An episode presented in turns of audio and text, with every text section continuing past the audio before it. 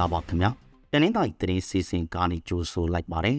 ဒီစီစဉ်ကိုတဝဲဝဘိုင်းတော်သားတွေကစူးစီးတင်ဆက်ထားတာပါဒီနေ့တင်ဆက်ပေးမယ့်သတင်းတွေကတော့တဝဲနဲ့မြေကအကျဉ်းသား60ကျော်ပြန်လွတ်လာတဲ့ကြောင်းကောတောင်းကပြူစောတီခါဆောင်နှုတ်ကိုရှင်းလင်းလိုက်ပြီးလက်နက်တွေသိသိခဲ့တဲ့ကြောင်းကံပေါရွာအုတ်ချုပ်ရင်မှုယူနာမှာပောက်ကွဲမှုဖြစ်တဲ့အချိန်นี้မဲဆောက်မှာလုံချိုရေးဝန်ထမ်းမြန်မာအလုပ်သမားတူ တနက်နဲ့ပြတ်သက်ခံရတဲ့အကြောင်းပါဝင်ထိုင်းမှာလမ်းဘေးရေမြောက်တဲ့ဝင်သွားတဲ့မြန်မာလူသမားတုံးသိဆိုခဲ့တဲ့အကြောင်းစားတဲ့တရေတွေကိုနားဆင်ရမှာဖြစ်ပါတယ်ဒီနေ့နှစ်ဆန်တရက်နေ့မှာစက်ကောင်စီကပြည်တာလွန်ရီခွင်ပေးရမှာတဝဲထောင်နဲ့မြစ်အချင်းထောင်တွေကအချင်းသားချင်းသူ63ပြန်လော့လာပါတယ်တဝဲထောင်က14ဦးပြန်လော့လာပြီးမြစ်အချင်းထောင်က10ဦးပြန်လော့လာတာပါ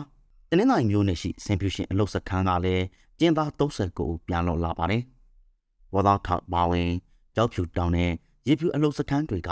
ပြန်လို့သူရှိမရှိဆိုတာကိုတော့မသိရသေးပါဘူးတနင်္လာရီတိုက်မှာအကျဉ်းထောင်ပုတ်ခုနဲ့အလုတ်စခန်းပုတ်ခုရှိပါတယ်မြမနှစ်ဆန်းတရက်နေ့ဖြစ်တဲ့ဧပြီလ18ရက်နေ့မှာနိုင်ငံတော်ရှိအကျဉ်းထောင်တည်တည်ကကျင်းသူအကျဉ်းသားတိုးထောင်ကျော်ကိုခံဝန်နဲ့လွန်ကြီးခွင့်ပေးလိုက်တယ်လို့ စစ်ကောင်စီကထုတ်ပြန်ထားပါတယ်။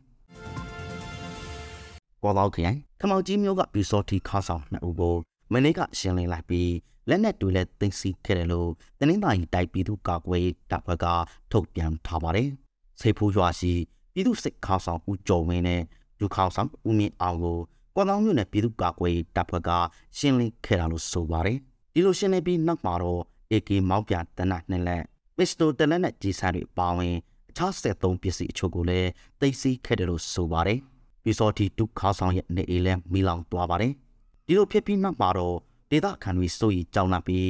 ကလေးငယ်တွေနဲ့တက်ကြီးရွှဲအိုတွေပါဝင်ရွာသား900နီးပါးဟာထိုင်းနိုင်ငံ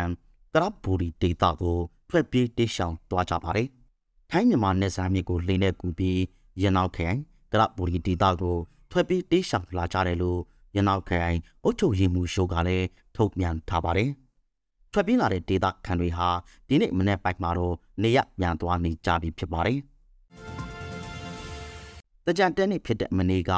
ရေဖြူမြို့နယ်ကကံမောက်ကြီးဝအိုစုအုတ်ချုပ်ရင်မှုရှုံနာမှာပောက်ကွဲမှုတစ်ခုဖြစ်ပွားခဲ့ပါတယ်။ပောက်ကွဲမှုကြောင့်လူထိခိုက်တာမရှိပေမဲ့ယုံနာပါရန်နာထားတဲ့အမိုက်သိကားရစီခေါင်းပိုက်ထိခိုက်ပျက်စီးသွားတယ်လို့ဆိုပါတယ်။ပောက်ကွဲမှုဖြစ်တဲ့အသေးစိတ်အခြေအနေကိုတော့မသိရသေးပါဘူး။ဒီလိုပောက်ကွဲပြီးနောက်မှာတော့ မောရဝတီရေတပ်စခန်းက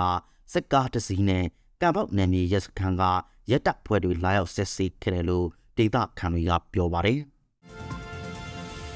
ထိုင်းနိုင်ငံမဲဆောက်မြို့ရှိအပန်းဖြစ်စခန်းတကူမှာလူချွေဝန်ထမ်းလှုံနေတဲ့မြန်မာအလုပ်သမားတအုပ်ဟာဒီနေ့မနေ့ကတနက်နဲ့ပြစ်ခံရှာပြီးတိတ်ဆိုးသွားပါတယ်။အသက်52နှစ်အရွယ်မြန်မာအလုပ်သမားဟာညဖက်လူချိုရေးတာဝန်ထမ်းဆောင်နေခြင်းအပက်ခံရတာပါ။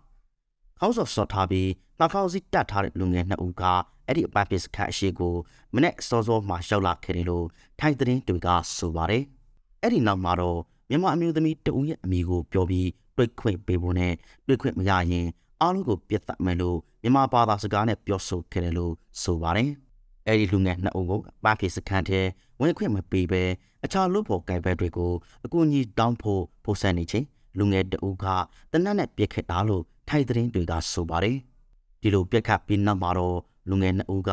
လာရလန့်တိုက်ထွက်ပြေးသွားတယ်လို့ဆိုပါတယ်။ထိုင်းနိုင်ငံစမောဆော့ခတ်ခဲမှာရေကူးနေရင်လက်အောက်ရေမြောက်ပိုက်တဲ့ရင်ကိုဝင်သွားတဲ့မြန်မာလူသမားတူဧပြီလ15ရက်နေ့ညနေကတိတ်ဆိုးသွားတယ်လို့ထိုင်းသတင်းတွေကဆိုပါတယ်။အသက်35နှစ်အရွယ်မြန်မာလူသမားဟာတကြံပွဲတော်အားရရမှာငွေချင်းနဲ့အတူ